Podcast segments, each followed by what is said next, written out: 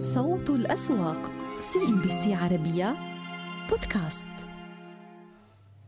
أهلا بكم. نبدأ مع إغلاق مؤشر بورصة مسقط لهذه الجلسة. لدينا تراجعات طفيفة جدا بعشرين أو ثلاثة اعشار النقطة المئوية. بكل الأحوال يعني تابعنا آه، اليوم تحركات هادئة بالنسبة لمعظم الأسواق الخليجية. وكان لدينا آه، طبعا نوع من السيولة الضعيفة بحكم أنها جلسة يوم أحد آه، وبالتالي لم نشهد هذه السيولة القوية. ولكن الأكثر نشاطا في سوق مسقط لدينا البنك الأهلي وأيضا البنك الوطني العماني.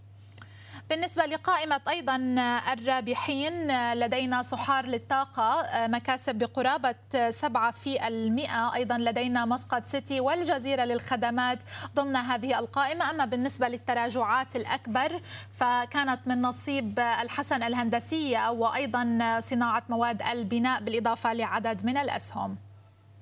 بالنسبة لإغلاق مؤشر بورصة البحرين شهدنا مكاسب في نهاية هذه الجلسة. أوصلته لمستويات قريبة من 1650 المكاسب بأكثر من نصف النقطة المئوية. نلقي نظرة على القائمة الأكثر نشاطا لدينا البنك الأهلي المتحد المصرف الخليجي التجاري وأيضا بنك السلام و GFH الواضح بأنه القطاع المصرفي والمالي هو من أبرز القطاعات التي دعمت أداء جلسة اليوم. كما نلاحظ أكبر الرابحين الخليجي التجاري بقرابة 3 البنك الأهلي المتحد وبنك السلام أيضا مكاسب قوية ولدينا المؤسسة العربية المصرفية بقرابة النقطة المئوية الواحدة. بكل الأحوال أيضا سهم GFH كان قد أغلق على ارتفاع بالنسبة لجلسة اليوم. أما بالنسبة للتراجعات التراجعات الأكبر بالنسبة آه, ل GFH في نهاية هذه الجلسة. الواضح بأنه تحول للون الأحمر بكل الأحوال. شهدنا سلسلة من المكاسب على سهم GFH على مدى الجلسات الماضية وبالتالي قد يكون من الطبيعي أن نشهد هذا النوع من التراجعات. لدينا أيضا ألبا ضمن هذه القائمة.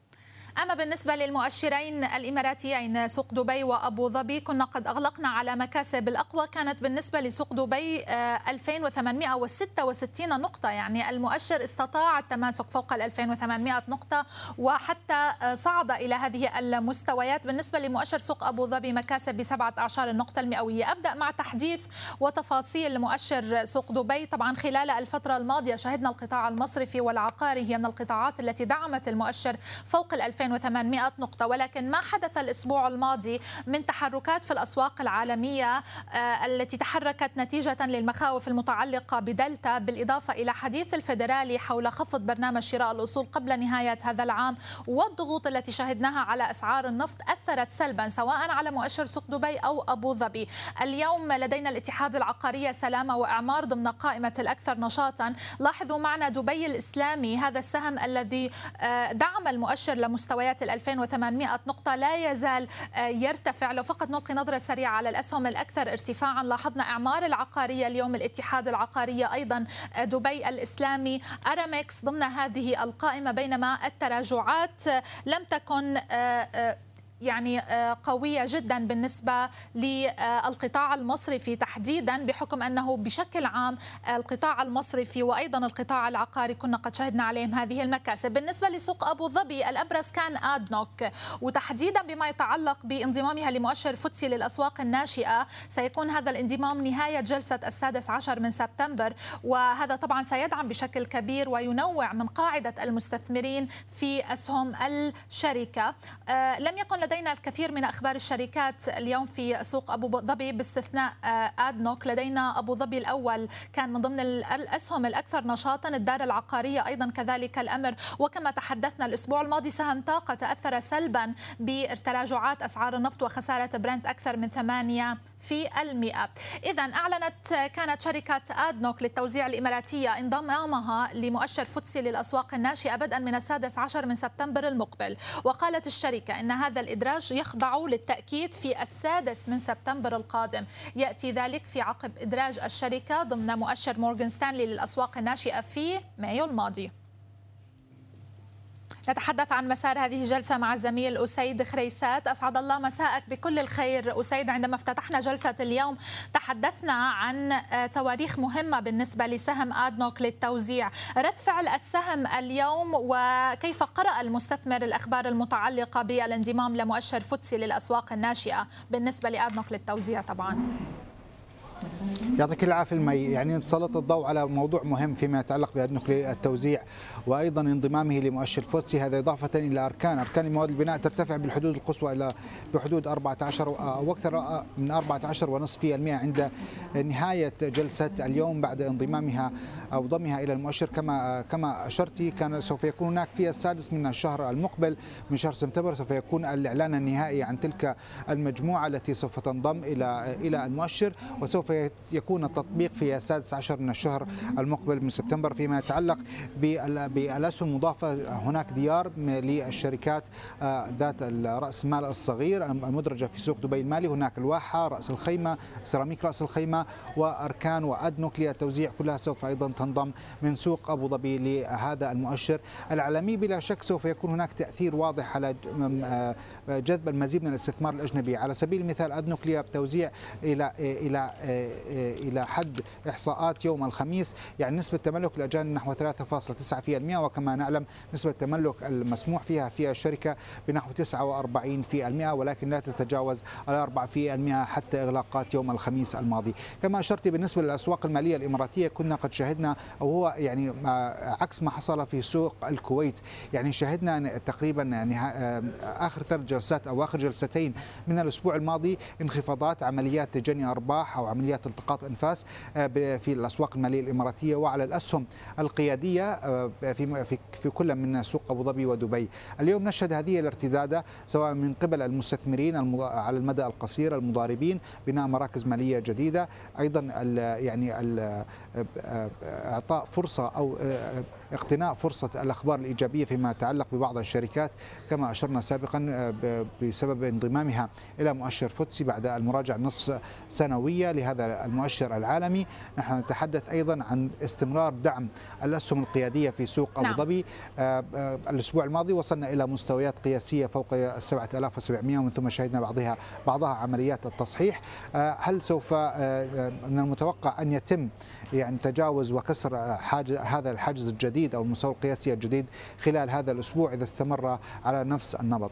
أما فيما يتعلق بسوق دبي المالي كما ذكرت دبي الإسلامي إعمار إعمار للتطوير وأيضا إعمار العقارية تقريبا هي نفسها الأسهم التي كانت مسؤولة عن تخطي مستويات 2800 الآن نحن بصدد اختبار هذه المستويات من جديد بالتحديد 2850 بالنسبة إلى قيم التداولات كان من المتوقع أن تحافظ على نفس المعدلات اليومية التي سجلت فيها ارتفاعات خلال الأسبوع الماضي بحدود 30 إلى 40 في المئة وفقط 200 مليون. ولكن اليوم لم تتجاوز ال 170 مليون. ربما يكون هناك حالة استثنائية يوم الأحد. غياب المستثمر الأجنبي أيضا كما أشرت حالة الحذر آه، لأنه كل الأعين الآن تتجه نتجه نحو الأسواق العالمية وما يحدث فيها أسواق وول ستريت أسعار النفط العالمية أيضا بلا شك سواء بشكل نعم. مباشر أو غير مباشر وبغض النظر عن معامل الارتباط آه، آه، الضعيف إذا ما قرن بسوق أبو ظبي ولكنه يؤثر في نهاية المطاف.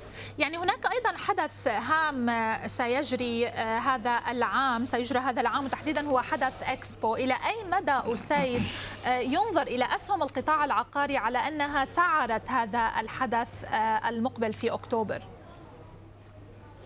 بلا شك يعني بالنسبة إلى الحدث الحدث العالمي هو لماذا هو يعني يسلط المستثمرون عليه الضوء خلال هذه الفترة بالتحديد؟ السبب الأول هو هو يعني كما تعلمين يعني دبي يجب أن تكون أكثر ذكاء فيما يتعلق بفتح الاقتصاد وأيضا فتح أبوابها أمام الزوار. يعني كان من المتوقع حين إطلاق أو استضافة هذا الحدث كانت التوقعات تشير إلى أكثر من 25 مليون زائر سوف يكونون خلال هذا الحدث أو سوف يدخلون دبي خلال فترة ستة أشهر.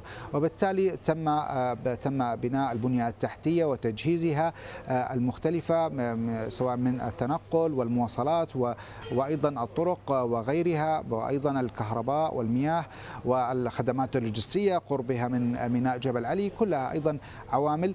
آه، هذه النقطة الأولى. النقطة الثانية إلى أي مدى ممكن أن تستفيد الشركات المدرجة سواء من القطاع العقاري التي تأتي يعني في بالمراتب الأولى هي والمصارف وأيضا ذات العلاقة. آه، إلى أي مدى سوف تتأثر بهذا الموضوع؟ هل بالفعل سوف يكون هناك دعم وتحسن لديها؟ ولكن بشكل عام آه، مي للحديث للاجابه عن سؤالك الشركات العقارية التي يوجد بها تنوع في ال portfolio أو المحفظة العقارية لديها خصوصا نحن نتحدث عن البيوت العطلات والتي سوف يكون الطلب عليها آه، هي بالمرتبة الأولى يعني وبشكل كبير خلال فترة استضافه هذا الحدث العالمي وبالتالي سوف سوف تستفيد بشكل كبير. ناهيك عن الشركات العقارية التي لديها آه، مشاريع بالقرب من الحدث من هذا الحدث العالمي. نحن نتحدث عن دبي الجنوب. هي مدينة داخل مدينة يعني إذا صح التعبير وخدمات لوجستية متكاملة آه، في تلك آه، في تلك المدينة والتي أه. يقع ضمنها إكسبو. وبالتالي بلا شك سوف تنعكس عليها سواء من حيث يعني ارتفاع ارتفاع القيمة العادلة لتلك العقارات أيضا الإيرادات التشغيلية. وكما نعلم وكما لاحظنا مي بالنسبة للشركات والنتائج التي أعلنت عنها في القطاع العقاري كانت المخصصات هي ذات أثر كبير آه، وانعكس بشكل إيجابي على على على صافي أرباحها في نهاية المطاف بسبب انخفاض آه، تلك المخصصات لأنه قد تم بحسب المعيار المحاسبي 38 فقد تم أخذ آه، مخصصات لانخفاض القيمة العادلة لبعض العقارات المطورة أو التي قيد التطوير. وبالتالي عند إزالة تلك المخصصات شهدنا تلك الارتفاع نعم. في صافي الأرباح بالرغم من أن هناك يعني كان تباين بالنسبة لأداء الشركات ما بين ارتفاع وانخفاض بالنسبة للإيرادات التشغيلية أو الكور بزنس تبعها. شكرا جزيلا لك أسيد خريسات كنت معنا من سوق دبي المالي. إذا يحاول مؤشر البورصة القطرية العودة لمستويات الأحد عشر ألف ومئة نقطة. هذه المستويات التي كان قد تخطاها في جلسة الخميس ولكنه لم يتمكن من الإغلاق فوقها. اليوم نغلق عند أحد عشر ألف وثمانمائة وسبعين نقطة. الداعم الأساسي هو القطاع المصرفي وأيضا القطاع الصناعي. عندما ننظر إلى القطاع المصرفي نتحدث في جلسة اليوم عن 13 النقطة المئوية من المكاسب. ولكن كأداء على مدى الفترة الماضية شهدنا أداء قوي جدا جدا للقطاع المصرفي وتحديدا من بعد الإعلان عن السماح لغير القطريين بتملك 100% من أسهم في بعض المصارف من ضمن الريان قطر الإسلامي وأيضا QNB. بكل الأحوال اليوم لاحظنا الارتفاعات الأكبر هي آه، كانت من نصيب بنك قطر الإسلامي. السهم ارتفع بقرابة نقطة مئوية واحدة. كان لدينا أيضا بالنسبة لكيو إم بي كان عليه نوع من التراجعات بقرابة عشر نقطة المئوية. بالنسبة لبقية الشركات وتحديدا القيادية منها صناعات قطر أيضا اليوم على مكاسب بسبعة أعشار النقطة المئوية ومساعيد للبتروكيماويات قرابة عشر النقطة المئوية. ناقلات أيضا كذلك يعني بشكل عام الأسهم القيادية اليوم أغلقت باللون الأخضر. آه، كان لدينا مراقبة لعاملين كما تحدثنا. الأول هو القطاع المصرفي من بعد القرار الأخير يوم الخميس الماضي والآخر هو مراجعة ال FTSE والتي سنتحدث عن تفاصيلها بعد قليل مع الزميل معمر عواد إذا وكان قد أصدر أيضا مصرف قطر المركزي أدوات دين حكومية بقيمة مليار و250 مليون ريال يأتي الإصدار الجديد ليحل مكان إصدار سابق استحق في منتصف أغسطس الجاري. يوزع الإصدار الجديد على سندات بقيمة 750 مليون ريال و500 مليون ريال لأجال خمسة أعوام تستحق جميعها في أغسطس 2026 إلى معمر عواد ينضم إلينا من الدوحة. أسعد الله مساءك. بكل الخير معمر. مساء الخير مي. مساء الخير. آه التفاعل اليوم الذي وجدناه مع الأسهم التي آه يعني تعرضت أو ذكرت بالتقرير الخاص بفوتسي راسل. إلى أي مدى شهدنا من بعض الأسهم آه، كالكهرباء والماء وغيرها ربما نوع من آه، ردود الفعل تجاه هذه المراجعة؟ يعني ربما شهدنا ردود فعل فعل تجاه سهم وقود إلى حد ما شفنا كان في يعني ضغط بيع عليه. عادة المؤسسات الأجنبية ما بتكون حاضرة بقوة في جلسة يوم الأحد ممكن يبين معنا في الجلسات المقبلة حتى سهم الكهرباء والماء استقر عند مستويات اغلاقه يوم الخميس الماضي لكن كان اللافت الدخول المحلي على اسهم شركات بلدنا الصناعات التحويلية وكذلك أيضا آه، آه، شركة الدوحة للتأمين. هذه الشركات التي تم ضمها لأول مرة في قائمة شركات رأس المال الأصغر وإن كان حصتها من التدفقات الاستثمارية لن يكون كبيرا. لكن شفنا تفاعل ربما قد يكون جزء منه مضاربي على هذه الأسهم التي تم ضمها إلى المؤشر الفوتسي رسل ضمن الأسواق رأس المال الصغير. لكن كانت مفاجأة حقيقة تخفيض أو خروج الشركات قيادية بحجم وقود وشركة الكهرباء والماء من المؤشر القياسي لضمها إلى قائمة الشركات ذات رأس المال المتوسط. ممكن نشوف تأثيره بشكل أكبر في جلسات المقبلة مع عودة المؤسسات الأجنبية إلى السوق بشكل قوي يعني خلافا ربما الأسبوع الماضي اللي كان يعني صافي شراء المؤسسات الأجنبية بأكثر من 350 مليون كان رقم قياسي حقيقة وكان عامل رئيسي يعني في ارتفاع المؤشر وبقاء فوق مستوى نقطة الدعم الأحد عشر ألف نقطة والتي كانت بدعم أساسي من القرار الحكومي بالموافقة على رفع نسبة تملك الأجانب إلى 100% في أربع مؤسسات مالية معظمها ذات طابع سيادي بشكل رئيسي. فبالتالي شفنا تدفقات رأسمالية أجنبية. بالمقابل كنا عم نشوف أنه مع الدخول المؤسسات الأجنبي ما نزلنا عم نشوف المؤسسات المحلية آه، تخرج من السوق تحاول البيع عند مستويات سعرية مرتفعة. وشفناها بكيو إم بي إلى حد ما. شفنا أيضا في المصرف في الريان حتى في صناعة قطر. عم نشوف تخارج بعض المؤسسات المحلية بشكل رئيسي من تلك الأسهم بشكل بشكل نعم. عام. لكن يعني المؤشر يعني اقترب من مستوى 11100 نقطة يعتبر عامل إيجابي لأنه في الفترات السابقة اللي كانت عم ترتفع فيها أسواق المنطقة كان المؤشر القطري يراوح مكانه. طيب آه القطاع المصرفي معمر وتحديدا أسهم مثل الريان مثل قطر الإسلامي مثل QNB إلى أي مدى نستطيع القول بأنه إلى جلسة اليوم تم تسعير القرار المتعلق بزيادة ملكية نسبة آه نسبة آه التملك الخاصة بغير القطريين إلى 100% هل تتوقع أن يستمر الصعود بالنسبة لهذه الأسهم؟ طبعا يعني هذا القرار يعني من شأنه أنه يفتح الباب أمام الرساميل الأجنبية. ما بننسى أنه يعني في العام 2005 تم فتح الباب للأجانب بنسبة 25% في الأعوام السابقة تم رفع نسبة تلك النسبة إلى 49% في جميع الشركات وما زال الآن عم نرفع النسبة ل 100% بنشوف إنه بنشوف حصة الأجانب في هذه الشركات ما ما بتعدى 5 ل 6% وبعضها 4% فهي أساسا لن تصل إلى يعني إلى مستويات قياسية لتأخذ حصتها بنسبة 100% ما تزال هذه المؤسسات الصندوق السيادي لدولة قطر هو يستحوذ على حصة الأسد فيها وهذه الأسهم غير قابلة ربما للتداول تكون يعني متاحة. يعني بنشوف مثلا QNB حصة حكومة قطر فيها 55% من رأس المال كصندوق سيادي. بنشوف بالمصرف تقريبا متقاربه 18% كذلك الأمر بالنسبة لمصرف الريان هي مستويات قياسية إضافة لوجود الصناديق الاستثمارية سواء صناديق التقاعد والمعاشات أو صناديق العسكريين وغيرها. فبنشوف إنه حتى الآن يعني حصة الأجانب من الأسهم المتاحة بالتداول ما بتوصل لنسب كبيرة فبالتالي الرفع لنسبة 100% هذا يعتبر فتح يعني فتح تاريخي ويعني بالنسبة للأسهم القطرية. ولكن يعني هل المؤسسات الأجنبية قادرة من تأخذ حصصها ربما أو تزيد عند مستويات سعرية مرتفعة؟ الباب مفتوح. ولكن يعني أيضا المؤسسات الأجنبية ليست هي أيضا يعني تنظر للموضوع من منظار براغماتي استثماري بشكل أساسي فهي لديها مقاييسها ولديها لديها أدواتها لقياس السعر الحقيقي للسهم وبالتالي العائد عليه. فبالتالي إلى حد ما عم نشوف إنه يعني اقتربنا من مستويات سعرية اللي ممكن نسعر فيه هذا الخبر. وما بننسى إنه ذات الخبر اللي صدر في نيسان أبريل من هذا العام وهو فتح باب التملك للأجانب بنسبة 100% في جميع الشركات وليست نعم. في القطاع المصارف شفنا إلى حد حد كبير كيف ارتفع المؤشر من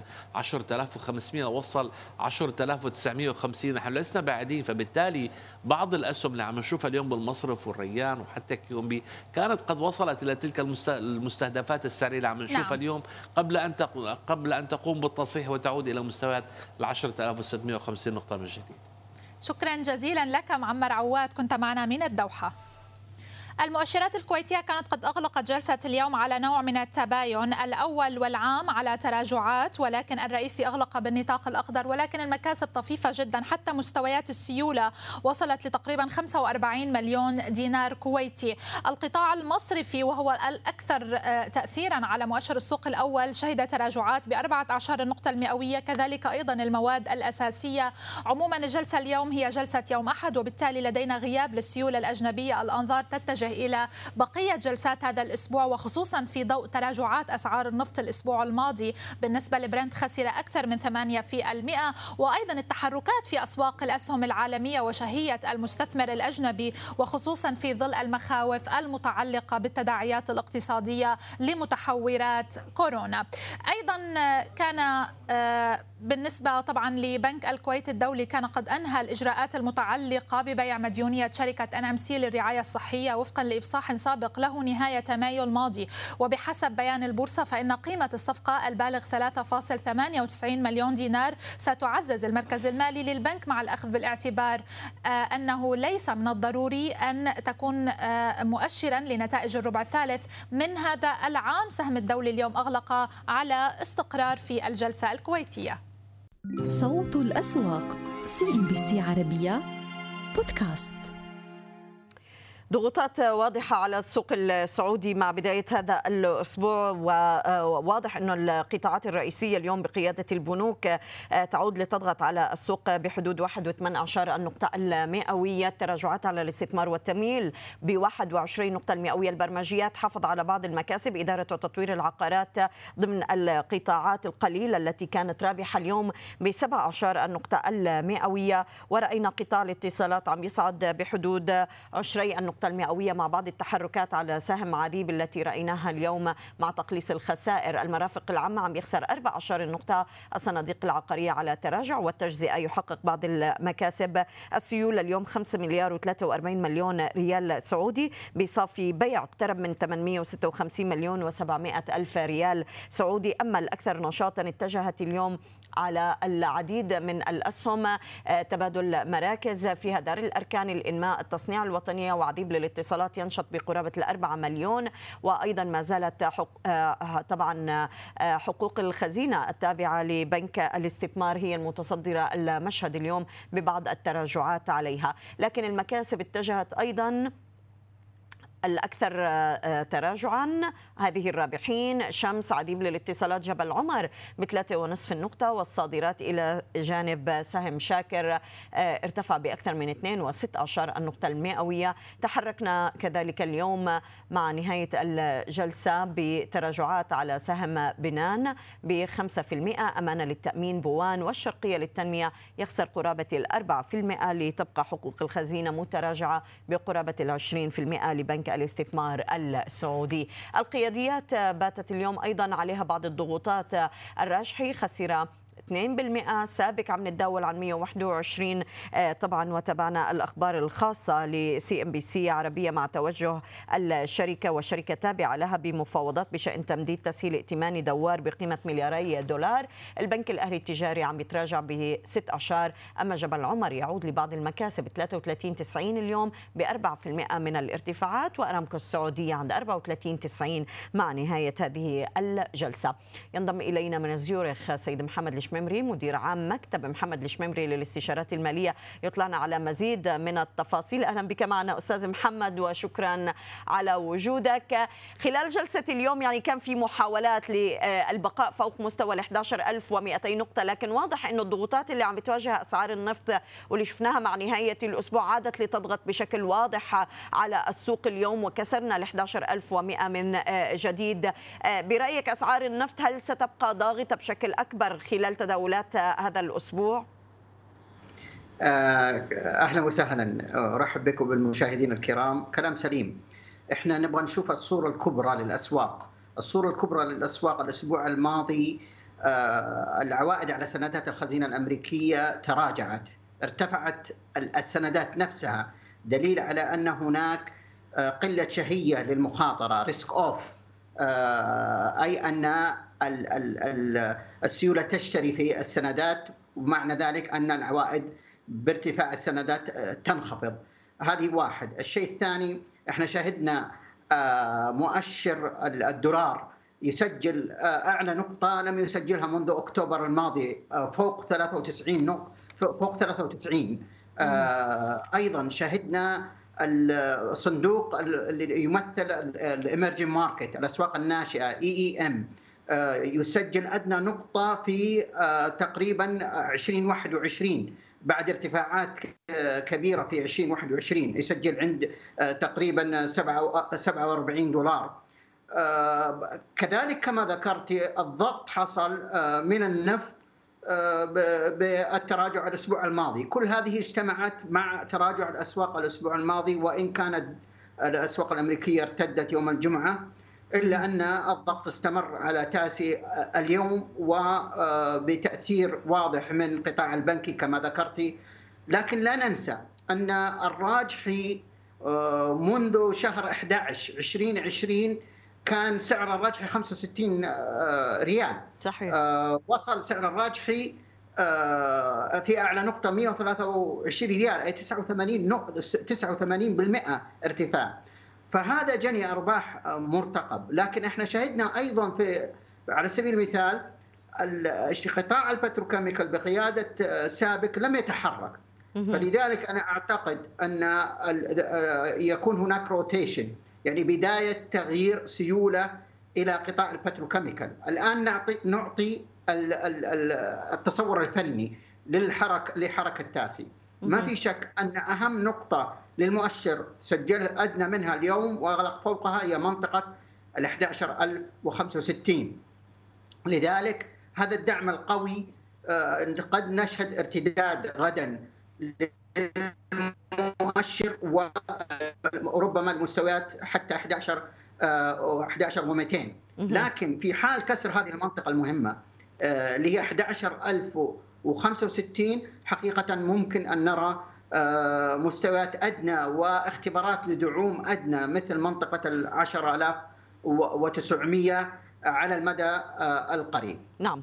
طيب اليوم أيضا ملفت تحركات قطاع الاتصالات يعني رغم هذا التراجع اللي عم نشهده أستاذ محمد. خليني أبدأ بعذيب يعني قدرة الشركة على تقليص الخسائر. استمعت قبل قليل للرئيس التنفيذي معنا.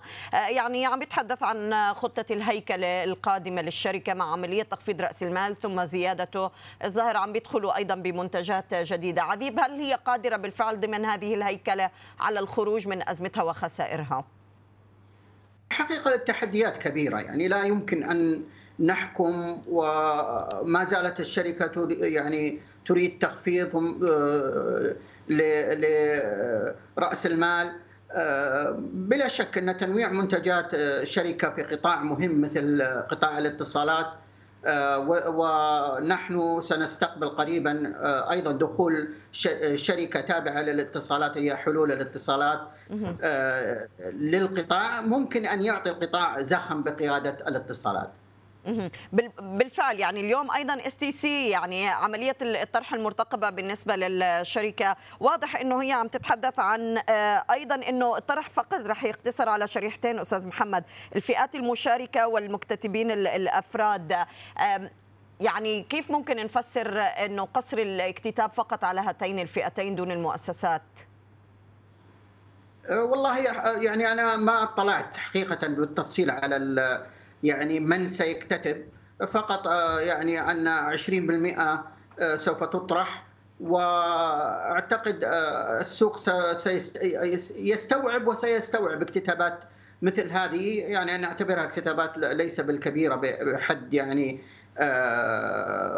شركات كبيرة. لذلك أنا شفت الخبر تأثيره يعني محدود على الاتصالات. لكن أتوقع التأثير الإيجابي يكون عند تداول الشركة سيكون هناك بلا شك إيجابية على شركة الاتصالات. طيب وإحنا يمكن نهاية الأسبوع الماضي شهدنا يعني يمكن أداء قطاع الاسمنتات كان هو الأسوأ بالفترة بفترة الأسبوع الماضي مع الهبوط اللي حدث على السوق أستاذ محمد. اليوم قد قطاع الاسمنتات مؤهل لمزيد من الارتداد للفترة المقبلة وتقريبا عم بيفصلنا يعني أسبوع فقط عن نهاية هذا الشهر. قد عم بيبشر الشهر المقبل بمزيد من الأداء الجيد بالنسبة لقطاع الاسمنت أعتقد إنه الإسمنت ما زال يعني إحنا شفنا تراجع ارباح الإسمنت بواقع 5% للنصف الأول من 2021 أتوقع سيكون نتائج الربع الثالث قريبة أو أو مماثلة للربع للربع للربع الثاني. حقيقة التمركز الحالي للإسمنتات يكون تمركز يعني لمن أراد التوزيعات الدورية التي عودتنا شركات الإسمنت سواء كانت توزيعات ربعية لشركات الإسمنت الكبيرة أو نصف سنوية أو سنوية للشركات الأقل من حيث العائد على التوزيعات نعتبر شركات الاسمنت من أفضل من أفضل الشركات في التوزيعات في تاسي. نعم. واضح اليوم أيضا في حركة على المتقدمة وسابك ويمكن بعض الأخبار اللي كانت حصرية لل CNBC أستاذ محمد يعني المتقدمة عم تتجه لمخاطبة البنوك المحلية بشأن قرض لتمويل توسعاتها بالجوبيل. بينما سابق يمكن عندها مفاوضات بشأن تمديد تسهيل ائتماني دوار لإحدى الشركات التابعة لها. اليوم كيف عم نشوف أيضا أثر هذه الأخبار على قطاع البتروكيماويات؟ يعني المفروض عملية الحصول على التمويلات هي تدعم اليوم سهم المتقدم المتقدمة بحكم هذه التوسعات والأعمال التشغيلية للشركة لكن لم يحدث ذلك. حقيقة حال معدل الفائدة في الوقت الحالي يشجع جميع الشركات التي لديها توسع أن تستعجل بالاقتراض في مثل هذه الأوقات.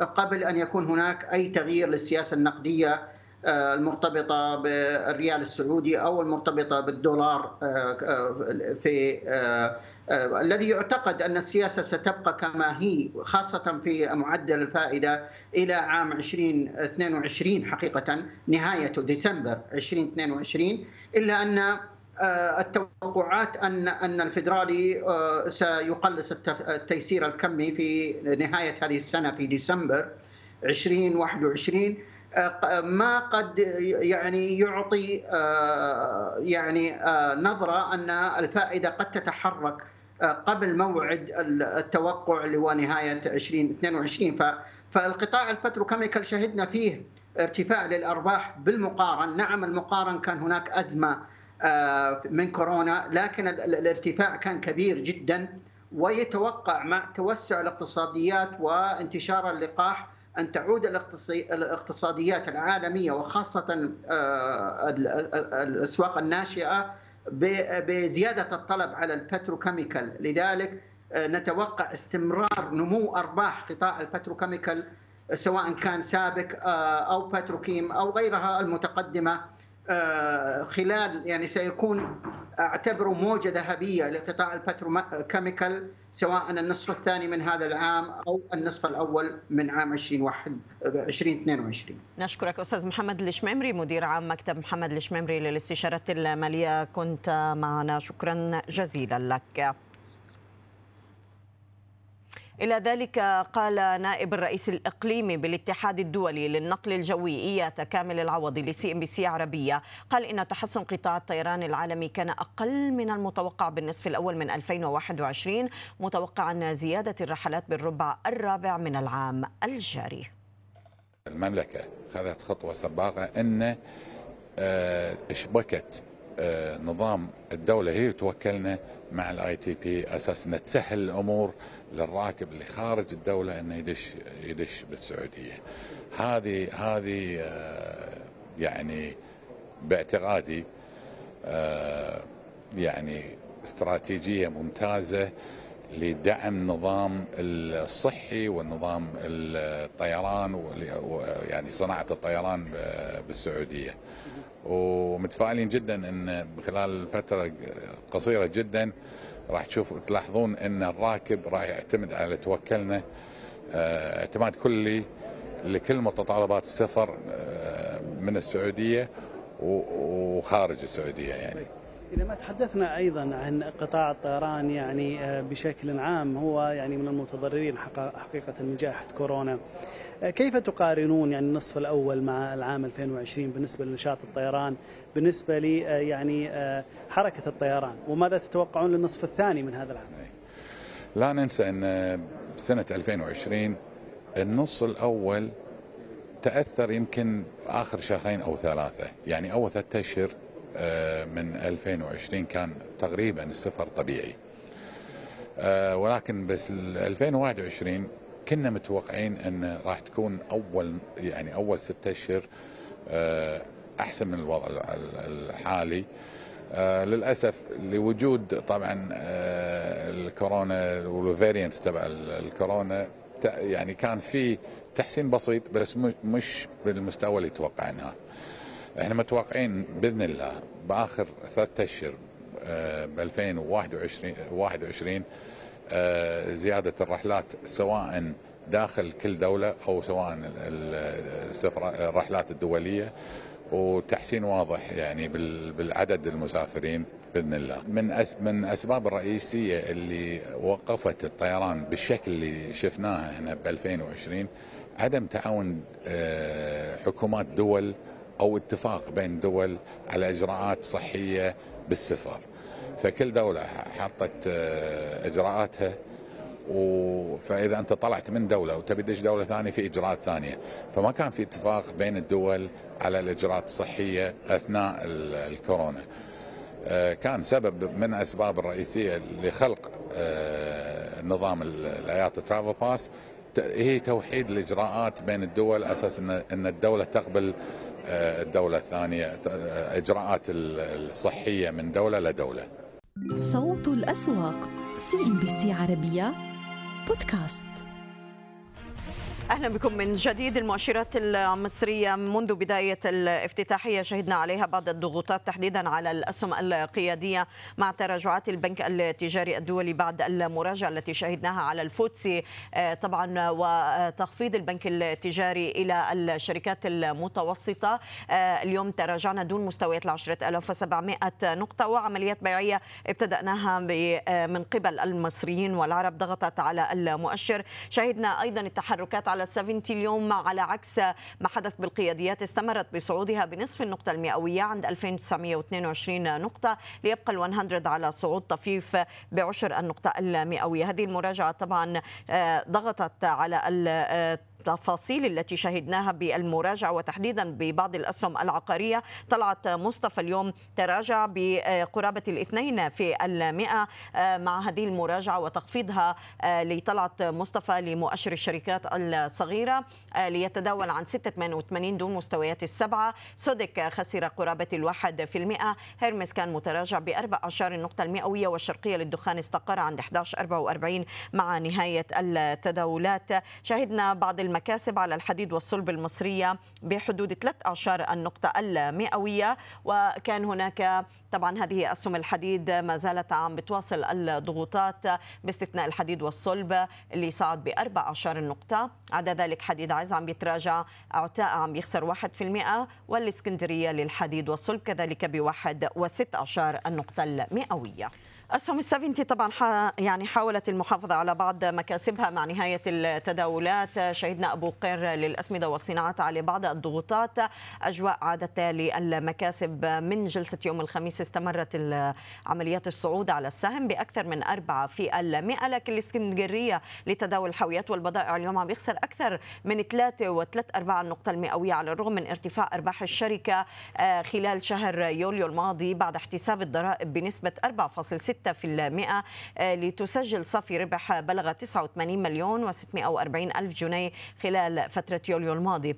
ووفقا للمؤشرات المالية تراجعت إيرادات الشركة خلال يوليو الماضي بنسبة 15% لتصل إلى 144 في المئة. نتجه إلى القاهرة. ينضم إلينا دكتور معتصم الشهيدي عضو شركة هورايزون لتداول الأوراق المالية. أهلا بك معنا دكتور معتصم وشكرا على وجودك. يعني تراجعنا مع بداية هذا الأسبوع عن العشر تلاف وسبعمائة نقطة. هل ممكن نعتبره بداية تصحيح بالنسبة للمؤشر؟ وهل ممكن أنه يستمر التصحيح لفترة طويلة؟ الحقيقة السوق منقسم إلى قسمين. قسم الأسهم الكبيرة اللي ما زالت أدائها ضعيف من يعني شهر 4 2018 ما زال أدائها ضعيف بالمقارنة بالأسهم السبعينيه اللي, اللي أو الصغيرة المتوسطه اللي بدأت تنطلق مع بداية أزمة كوفيد أو بعد شهر من بداية أزمة كوفيد شفنا هبوط حاد في البداية ثم صعود متوالي. لذلك نجد النهارده إن السوق يعني مؤشراته تعبر عما يحدث داخله. الأسهم الكبرى في انخفاض فوق الواحد في المية والأسهم الصغيرة والمتوسطة ومؤشر إي جي إكس 30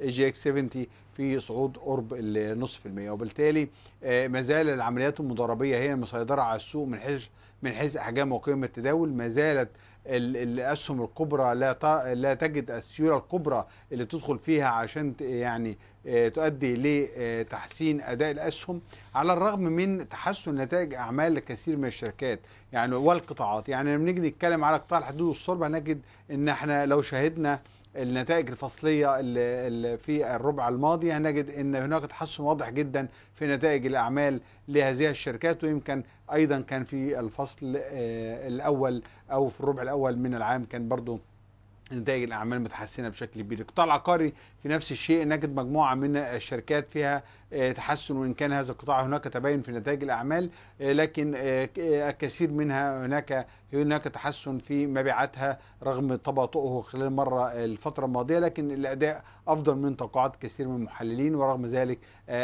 هذا القطاع كأسهم كبرى الت- ال- ال- الحركة فيها حركة بطيئة نسبيا. وبالتالي آه، في اعت- في اعتقادي إن الأسهم الكبرى آه، تنتظر فقط شرارة آه، آه، المؤسسات آه، للدخول في السوق بقوة وهو ده اللي هيجعل الأفراد يتحولون من الأسهم الصغيرة والمتوسطة إلى آه، الأسهم الكبرى.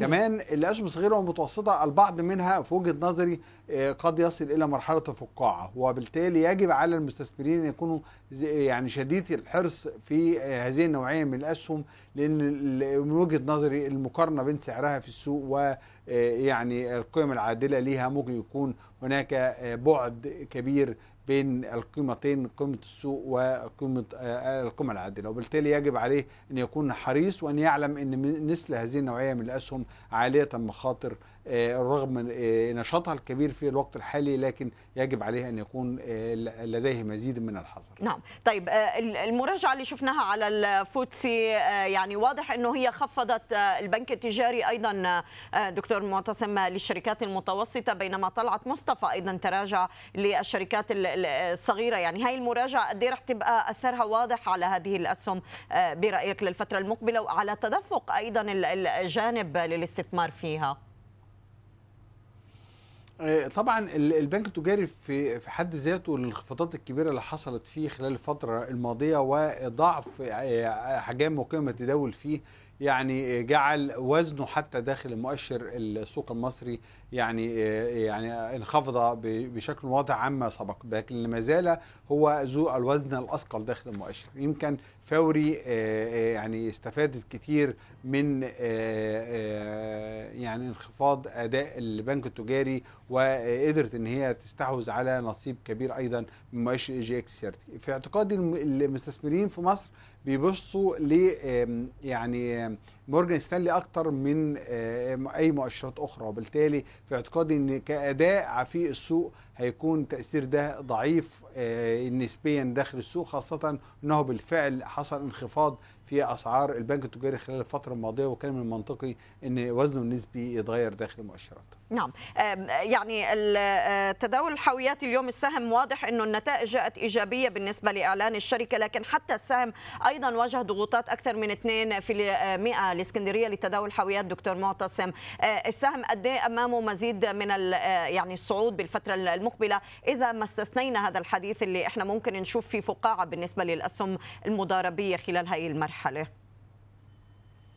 الحقيقة اسكندرية لتداول الحاويات مش من الاسهم المضاربيه من الاسهم الماليه القويه عندها. نتائج أعمال قوية جدا عندها توزيعات آه، كل عام عندها ثبات في نتائج الأعمال عندها قوة في أعمالها وبالتالي من الأسهم القوية ماليا اللي المستثمر بينظر لها بنظرة مختلفة لكن في الفترة الماضية يمكن حصل فيها ارتفاع كبير على آه، بعض المعلومات الخاصة بارتفاع احجام آه، تداول الحاويات في الموانئ المصرية وبالتالي آه، يعني كان كتير من المستثمرين برضو بيتوقعوا إن يحصل تحسن في نتائج أعمالها وده اللي إحنا شفناه بالفعل. وبالتالي آه، في اعتقادي إن اسكندرية لتداول الحاويات هي انت- آه، انتظرت فترة طويلة جدا في تداولاتها ما بين 7 جنيه و60 قرش ل 8 جنيه وهي قدرت إن هي تنطلق لفوق ال 10 جنيه لكنها عادت مرة أخرى للانخفاض تحت ال 10 جنيه. في اعتقادي إن مستوى من 8 جنيه 70 ل 9 جنيه 90 هو ده المستوى اللي ممكن تتداول عليه ال- ال- السهم في الفترة القادمة وإن السهم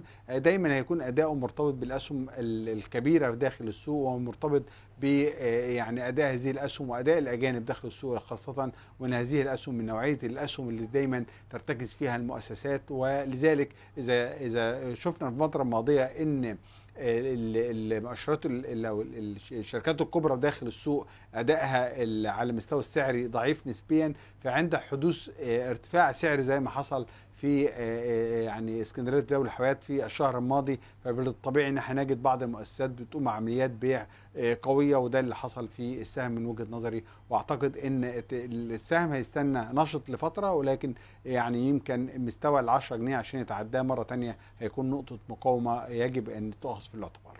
ونشكرك دكتور معتصم الشهيدي عضو مجلس إدارة شركة هورايزون لتداول الأوراق المالية. كنت معنا من القاهرة. صوت الأسواق CNBC عربية بودكاست.